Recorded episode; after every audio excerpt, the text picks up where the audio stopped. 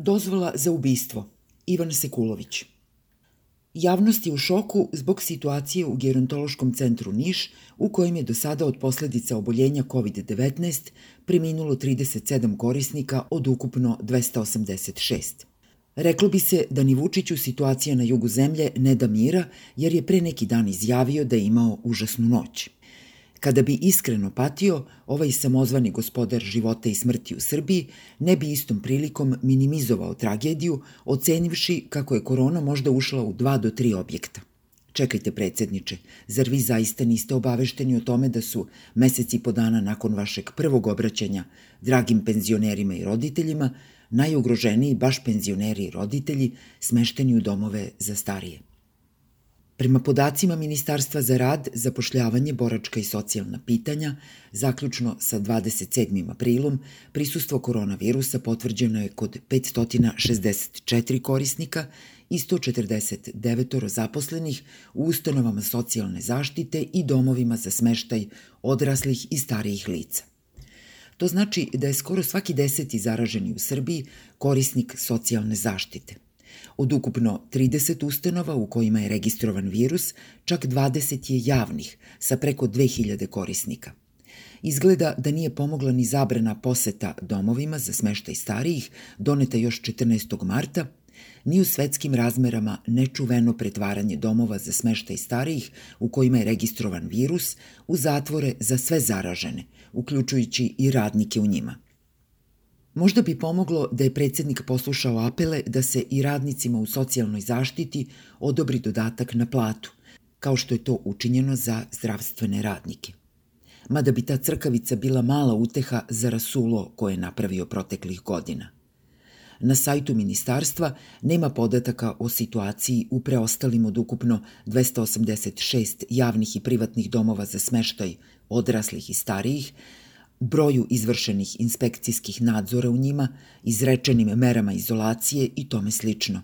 Možda zato što bi nadzor od strane Republičke inspekcije socijalne zaštite, tog najslabijeg nadzornog organa u državi, odeljenja u sastavu ministarstva, koji raspolaže sa svega šest inspektora, trajao godinama.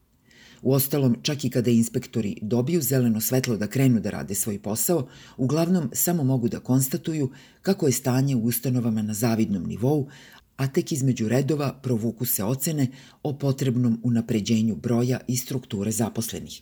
Zbog toga se čak i zaštitnik građana ovih dana prihvatio posla kontrole stanja u državnim ustanovama socijalne zaštite, podsjetivši da nema nadležnost nad privatnim domovima – nad onima u kojima su ljudi pred naletom virusa ponekad i bukvalno prepušteni sami sebi, kao što se to desilo u domu doživeti stotu u Zemunu, čijih je dvadesetak korisnika spalo na pomoć jednog jedinog lica, volontera.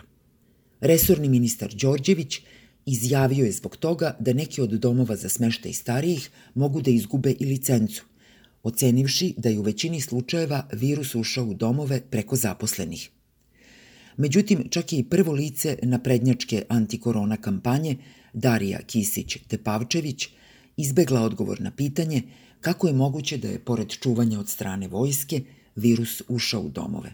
U one iste kojima je svojevremeno Aleksandar Vulin u svojstvu ministra socijalne zaštite odobravao licence za rad. Nekoliko godina kasnije, krug bizarnog kockanja sa javnim interesom u Srbiji se zatvorio – Sada je isti čovek u svojstvu ministra odbrane zadužen da te domove sačuva od virusa. Za očekivati je da će zbog oboljevanja i smrti lica u domovima za starije tokom epidemije protiv države pljuštati tužbe pred međunarodnim telima za zaštitu ljudskih prava. I to ne samo zbog aktivnog kršenja, već i zbog propuštanja zaštite prava na život, potrebne socijalne službe, zaštitu protiv diskriminacije i tako redom. Da bi do toga došlo, tabak prvo treba presaviti pred domaćim pravosuđem. Oštećeni treba da krivičnim prijavama, ukoliko tužilaštvo bude instruirano da ne reaguje po službenoj dužnosti, i privatnim tužbama obuhvate celu vertikalu. Da se ne zaboravi imenom i prezimenom. Direktore ustanova u kojima je izbila zaraza, čiji su osnivači država ili lokalna samouprava – Milana Stevanovića, Aleksandru Vukojević, Predraga Randelovića, Dragana Jovanovića, Dragana Veselinovića, Svetlanu Radisavljević, Zoricu Pavlović, Ivanu Matejić, Adnana Dizdarevića, Nevenku Nikić-Simatković, Dragijanu Tijanić, Mikicu Budimirovića, Dejana Radovanovića, Belu Majlata i Vojkana Stanojevića. Vlasnike, osnivače ili direktore privatnih domova u kojima izbila zaraza. Nenada Mićića, Sinišu Timotijevića, Julijanu Bilanović, Radomira Filipovića, Dragana Jovanovića, Žikicu Mladenovića, Zlatka Srećkovića, Rodoljuba Paunovića, Radoslava Milovanovića, Teodoru Hiblović, Stefana Ćupića. Čelne ljude ministarstava koja su izdala licence, to jest dozvole za rad pomenutim javnim i privatnim ustanovama, odnosno koja su u vreme vanrednog stanja zadužena da obezbeđuju poštovanje naredbe o zabrani poseta i kretanja Zorana Đorđevića i Aleksandra Vulina. Čelnicu vlade koja je nadležna za nadzor nad ustanovama socijalne zaštite, čiji je osnivač Republika Srbija, Anu Brnabić. I neka ne zaborave da na kraju dodaju onog ko je najodgovornijoj trojici prepustio brigu ne o nacrtanim ovcama, već o životima ljudi.